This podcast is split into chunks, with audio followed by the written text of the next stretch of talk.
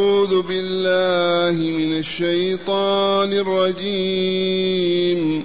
بسم الله الرحمن الرحيم. ياسين. والقرآن الحكيم. إنك لمن المرسلين. على صراط مستقيم. تنزيل العزيز الرحيم. لتنذر قوما ما أنذر آباؤهم فهم غافلون. لقد حق القول على أكثرهم فهم لا يؤمنون. إنا جعلنا في أعناقهم أغلالا فهي إلى الأذقان فهم مقمحون. وجعلنا من بين أيديهم سدا ومن خلفهم سدا فأغشيناهم فأغشيناهم فهم لا يبصرون وسواء عليهم أأنذرتهم أم لم تنذرهم لا يؤمنون. إنما تنذر من اتبع الذكر وخشي الرحمن بالغيب. فبشره بمغفرة وأجر كريم. إنا نحن نحيي الموتى ونكتب ما قدموا وآثارهم. وكل شيء أحصيناه في إمام مبين. معاشر المستمعين والمستمعات من المؤمنين والمؤمنات. قول ربنا جل ذكره ياسين.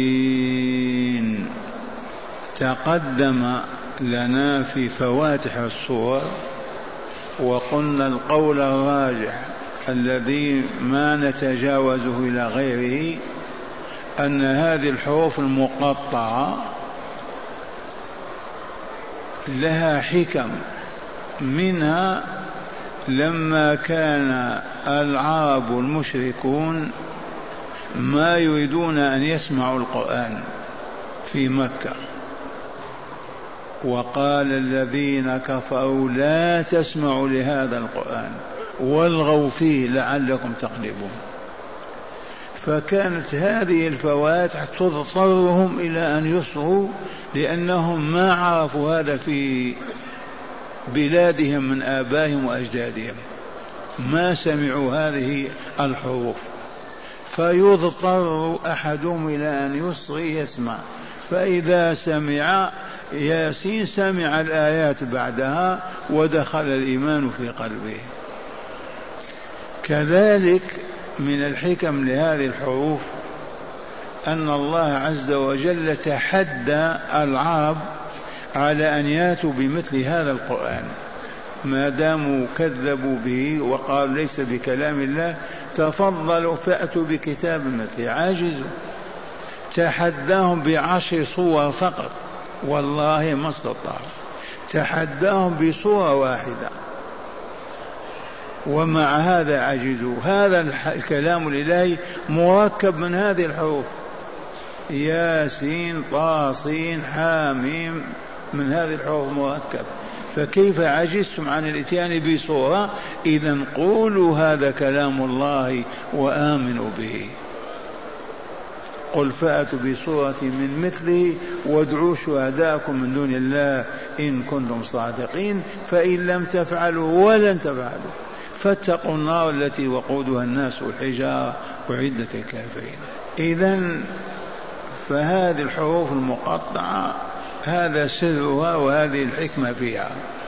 وهي كما عرفتم منها ذات الحرف الواحد كنون وقاف وصاد حرفين كياسين وطه وطاسين ثلاث أحرف كحاميم طاسيم ميم أربع أحرف حاميم عين سين قاف وهكذا إلى خمسة أحرف.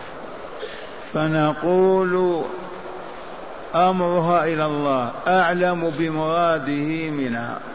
الله أعلم بمراده من هذه الحروف. نفوض الأمر هكذا لله تعالى. وهذا هو الصواب. ياسين الله أعلم بمراده منه. حاميم عين سين قاف الله أعلم بمراده منه. وهذا هو طريق السلامة والنجاة. منهم من يقول ياسين هو اسم النبي صلى الله عليه وسلم وهذا خطأ. مالك في موطئه يكره للمؤمنين أن يسموا ياسين بدعوى أنه اسم النبي صلى الله عليه وسلم. وروى في حديثه الصحيح أن للرسول خمسة أسماء ما بينها ياسين. محمد أحمد العاقب الحاشر الماحي. ما فيه ياسين ولا طه. بعض المفسر يقول ياسين يا إنسان باللغة الحبشية. يا رجل ولا حاجة إلى هذا أبدا. ياسين ثم قال تعالى والقرآن الحكيم. أقسم الله عز وجل حلف ولله أن يحلف بما يشاء. عرفتم؟ لله تعالى أن يحلف بما يشاء من الكائنات. لكن حلفوا بالقرآن تعظيم للقرآن ورفع لدرجته وقيمته. والقرآن هو هذا الكلام الإلهي. أوله سورة الفاتحة وآخر سورة الناس. والقرآن مشتق من قرأ إذا جمع. فالحروف جمعت والآيات والكلمات جمعت والآيات جمعت فهو مقروء بمعنى مجموع. والقرآن الحكيم أي ذي الحكمة. وقد عرفنا أن الحكيم ذاك الذي يضع كل شيء في موضعه. والله من أسماء الحكيم يضع كل شيء في موضعه. والقرآن حكيم وضع كل شيء في موضعه. وحكيم بمعنى محكم أيضا فعيل بمعنى مفعول كقتيل بمعنى مقتول حكيم بمعنى محكم. ما فيه زيادة ولا نقص ولا ولا ويضع كل شيء في موضعه. وهذا بيان فضل القرآن العظيم. ياسين والقرآن الحكيم لماذا حلف الله؟ حلف على قوله إنك يا رسولنا محمد صلى الله عليه وسلم لمن المرسلين أي الأنبياء الذين أرسلناهم إلى أممهم. ففيه تقرير النبوة المحمدية. ومن كذب بها كفر وخرج من الإسلام. حلف الله عز وجل على رسالة محمد صلى الله عليه وسلم في من يقول ليس برسول يكفر. إنك لمن المرسلين من جملتهم.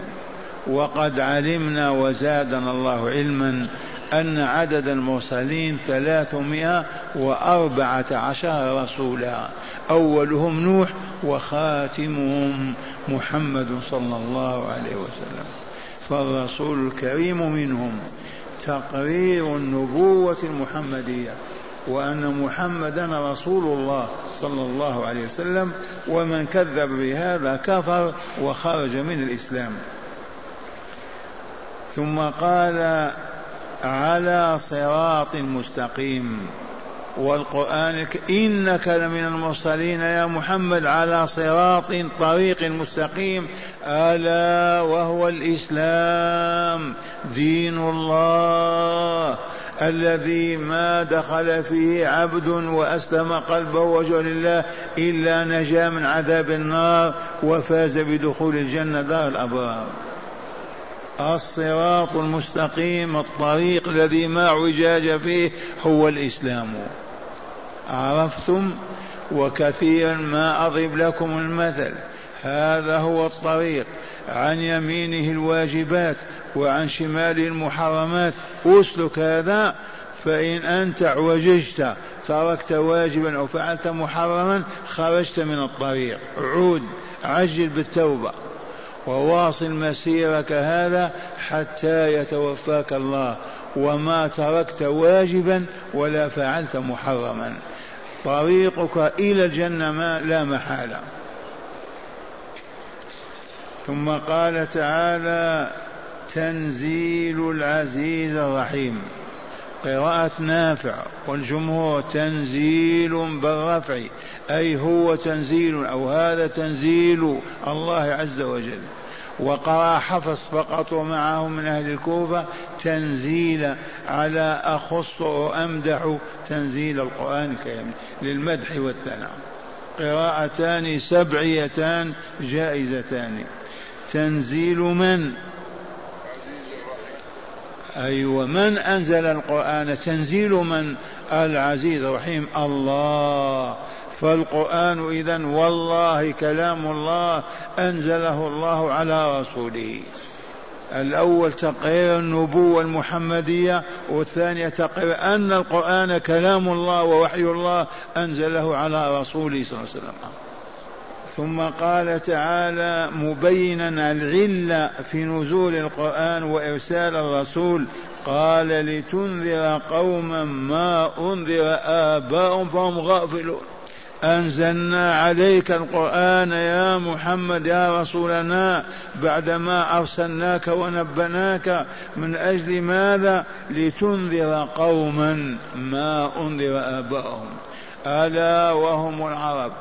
فإنه من عهد إسماعيل ما بعث فيهم رسول ولا جاءهم نبي قرون عديدة حوالي ألفين سنة أو ثلاثة آلاف.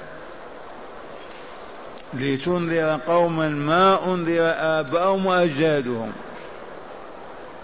قطعا بعث الرسول في العرب ولم يكن بين أيديهم كتاب ولا نبوة ولا رسالة. أليس كذلك؟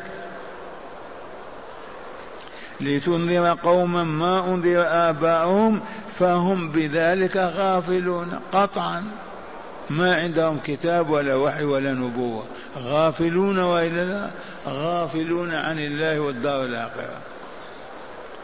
ثم قال تعالى لقد حق القول على أكثرهم فهم لا يؤمنون. خبر عظيم هذا. حق القول ووجب على أكثر هؤلاء الملاحدة. المتعنتين كأبي جهل وعقب المعيط فهم لا يؤمنون. بمعنى وجبت لهم النار. كتب الله في كتاب المقادير أنهم أهل جهنم فلهذا لا يؤمنون. أنذرهم خوفهم ما يستجيبون لما مضى في كتاب المقادير أنهم من أهل النار. والمراد منهم جماعة متعصبة تحارب رسول الله والمؤمنين على رأسهم أبو جهل. أراد أن يقتل الرسول حلف أن يقتله. إذا لتنذر قوما فهم غافلون. لقد حق القول على أكثرهم فهم لذلك لا يؤمنون. فلا تكرب ولا تحزن. وقد قتلوا في بدر وهم سبعون طاغية. سبعون متعنتا متجاهلا. لتنذر قوما ما أنذر أباهم فهم غافلون. لقد حق القول على أكثر هؤلاء المتعصبين المتزمتين من المشركين. على راسهم أبو جهل وفلان وفلان حق عليهم القول في هذا فلهذا لا يؤمنون. كلما دعوتهم أعرضوا. كلما ناديتهم تصامموا ولم يسمعوا لما مضى في كتاب المقادير أنهم من أهل النار. فهم لا يؤمنون وفي هذا تخفيف على رسول صلى الله عليه وسلم وتهدئ له لأنه متألم من شدتهم وكفرهم. ثم قال تعالى إنا جعلنا في أعناقهم أغلالا فهي إلى الأذقان فهم مقمحون. ما يستطيعون أن يستجيبوا ويسمعوا أبدا. اضرب لهم مثلا شدت أيديهم مع أعناقهم بحبال بحديد هكذا وإذا بهم مقمحون ما يسمعون ولا ينظرون ولا يطعطعون وأوصام ما يستجيبون لك أبدا. عجب هذا المثال ولا لا؟ الذي تشد يديه إلى عنقه وتربطه هكذا. يسمع يبصر ينظر انتهى. فهؤلاء هذه حالهم. فلهذا ما آمنوا ولا دخلوا في الإسلام بعد عشر سنوات والرسول يدعوهم وفي السنة الثانية جاءوا محاربين وهلكوا كلهم في بدر. سبعون طاغية من طغاة قريش. إنا جعلنا في أعناقهم أغلالا فهي إلى الأذقان فهم محون ولا بأس أن تقول هذا يجعل لهم يوم القيامة. ذاك لا شك فيه. لكن المراد هنا حسب سنة الله تعالى لما تجبروا طغوا تكبروا وأصروا على عبادة الأصنام والأحجار وكذبوا الرسول والقرآن إذا أصبحوا كهذه الهيئة. ما يمكن أن يستجيبوا ولا يسمعوا. ولا ينظروا ولا يفكروا ثانيا وجعلنا من بين أيديهم سدا ومن خلفهم سدا. من بين أيديهم السد هذا هو جهلهم. بعبادتهم الأصنام وأن هي الآلهة التي تشفع لهم عند الله وأن ما جاء الرسول به ليس بحق ولا ولا ولا. هذا بين أيديهم ومن قلبهم. أنكروا البعث الآخرة والدار الآخرة والجزاء يوم القيامة. إذا فكيف يهتدون؟ سد أمامهم وسد خلفهم. كيف يهتدون؟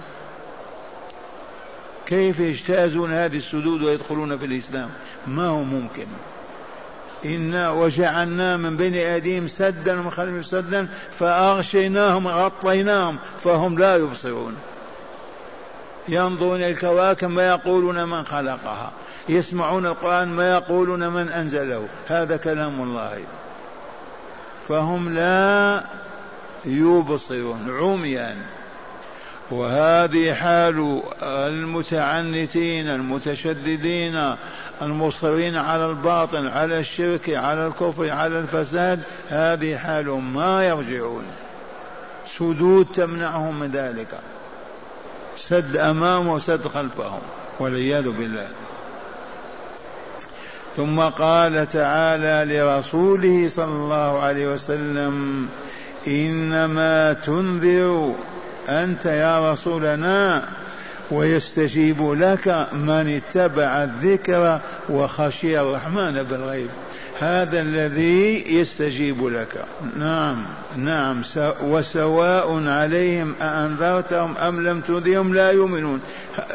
ما عرفنا كيف هيئتهم كيف أيديهم مشدودة إلى عنق كيف أعمى أبصارهم عمياء كيف يستجيبون. سواء عليهم أأنذرتهم أم لم تنذرهم على حد سواء فهم لا يؤمنون. الذين شدت أيديهم إلى أعناقهم بالسلاسل الحديد ورفعت رؤوسهم مقمحون وغش الله بأبصارهم عماه وغطاه. كيف يستجيبون؟ هؤلاء لا يؤمنون. أنذرتهم لم تنذرهم هذا تخفيف للرسول صلى الله عليه وسلم كما بينا. وإنما إنما تنذر يا رسولنا من اتبع الذكر. ألا وهو القرآن العظيم. سماه الله الذكر. والله ما تلا عبد آية إلا ذكر الله. التالون لكتاب الله ذاكرون. كيف لا يذكر هو مع كلام الله؟ سماه الذكر. إذا إنما تنذر من من الناس الذي اتبع الذكر أي القرآن وخشي الرحمن وخاف الله بالغيب وهو ما رآه. وخافه في الغيب أيضا وليس معه أحد من الناس. في حال الغيبة وحده ما يعصي الله عز وجل. وهذه لطيفة. يخشى ربه بالغيب يعني لأن الله عز وجل ما أرانا وجهه الكريم ولا رأيناه. ومع هذا نخاف كأنه بين أيدينا. ونخاف الله لما نكون غائبين عن أعين الناس ما معنا أحد ومع هذا ما نستطيع أن نعصي الله عز وجل في حال الغيبة. إنما تنذر من اتبع الذكر أي القرآن الكريم وخشي الرحمن جل جلاله. خشي الرحمن عرف أنه الرحمن الرحيم ومع هذا خافه ورهبه ولم يقع على معصيته. ما قال وخشي, وخشي الرحمن. انتبهتم للطيفة ولا لا؟ الرحمن ما ما يخاف منه عادة. الشخص الرحيم بين الناس تخافه عارف أنه يرحمك. ومع هذا عرف أن الرحمن وخافه. ما ألطف هذه اللطيفة. وخشي الرحمن ما قال الجبار. بالغيب أي حال كونه غائبا عنه. هؤلاء قال تعالى فبشره. هذا الذي اتبع الذكر وخشي الرحمن بالغيب بشره يا رسولنا بماذا بشاء بعير؟ بشره بمغفرة ذنوبه وإن عبد الأصنام عشرين سنة أو خمسين سنة وأجر كريم ألا وهو الجنة دار السلام. إذ العاملون في هذه الدنيا بالأعمال الصالحة جزاهم ما هو الجنة. هذا هو الأجر. هذه الأجرة التي يأخذونها. فبشره بمغفرة لذنوبهم وأجر كريم مقابل أعمالهم الصالحة ألا وهو الجنة دار السلام. ثم قال تعالى إنا رب العزة والجلال والكمال. إنا نحن نحيي الموتى. إنا نحن وحدنا لا معنا أحد. نحيي الموتى والكافر ميت والفاسق والعابث ميت. والله يحييه إن شاء وإلا لا يهديه فيحيا. أليس كذلك؟ وفي تقرير أيضا البعث الآخر تقرير النبوة المحمدية والبعث الآخر. إنا نحن نحيي الموتى ونكتب ما قدموا وآثارهم. نكتب ما قدموه وإلا لا من أعمالهم الصالحة والطالحة.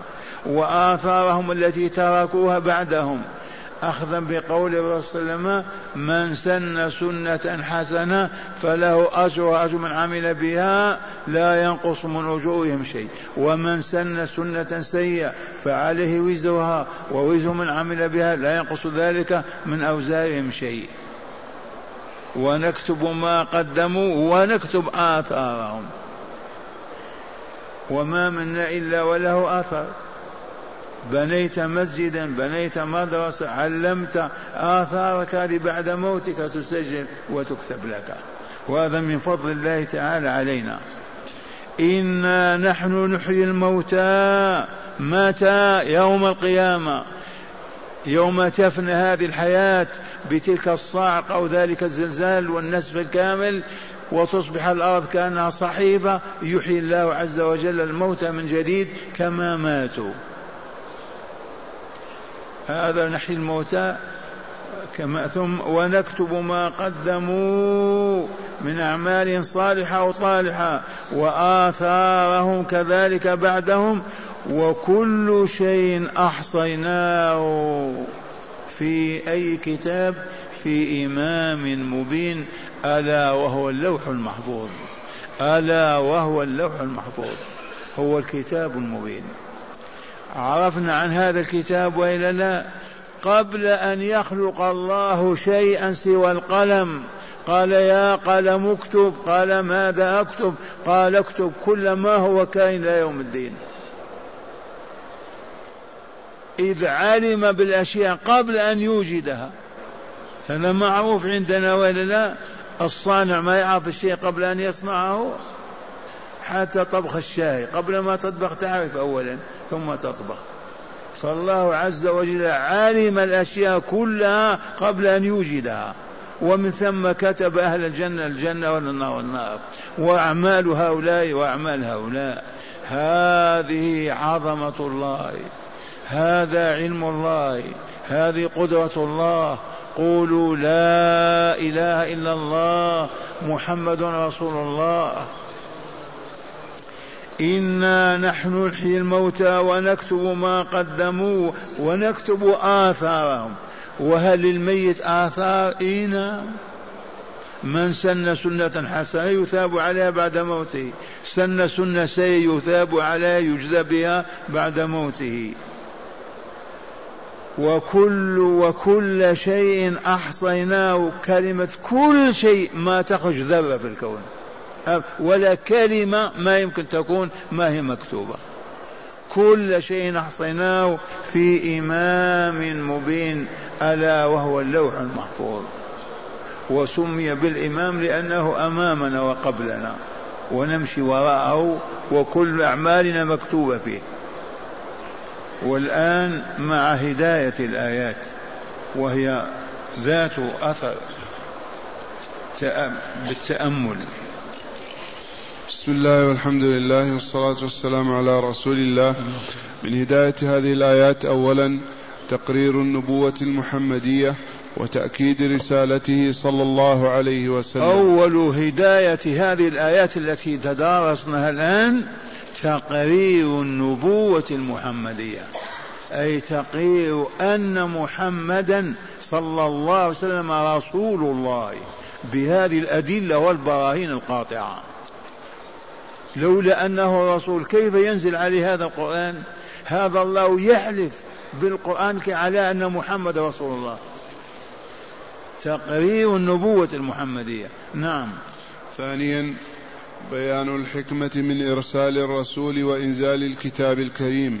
بيان الحكمة من إرسال الرسل وإنزال الكتب أليست هداية الخلق وإلا لا؟ وإصلاحهم؟ فمن آمن واستجاب صلح واهتدى ومن تكبر وأعرض وآثر الدنيا هلك وخسر. نعم. ثالثا بيان أن الرسول محمدا صلى الله عليه وسلم بعث على فترة من الرسل. بيان أن نبينا محمدا صلى الله عليه وسلم بعث على فترة الرسل. ما فيها رسول. عيسى رفع عمده 575 سنة. 500 وكذا سبعين سنة. وموسى قبل ذلك بعث في فترة ما فيها رسول. لا في الشرق ولا في الغرب لا في العرب ولا في العجم. نعم. رابعا بيان أن حب الدنيا والإقبال عليها والإعراض عن الآخرة وعدم الالتفات إليها يضعان الإنسان بين حاجزين لا يستطيع بين حاجزين بين سدين من بين أيديهم سدا ومن خلفهم سدا. أعيد أعيد للإخوان هذه الجملة. قال بيان أن حب الدنيا أن حب الدنيا والإقبال عليها والإقبال عليها والإعراض عن الآخرة والإعراض عن الآخرة وعدم الالتفات إليها يضعان يضعان حاجزين أو سدين. نعم. قال يضعان الإنسان بين حاجزين لا يستطيع تجاوزهما والتخلص منهما. أبدا. خامسا بيان أن الذنوب تقيد صاحبها وتحول بينه وبين فعل الخير أو قبول الحق. الذنوب تقيد صاحبها وتمنعه من فعل الخير أبدا وتدفع إلى الشر. لما؟ لأنها جعلت نفسه مظلمة وقلبه هابط ما يستجيب ولا يعرف. فلهذا يجب أن نطهر قلوبنا من الذنوب.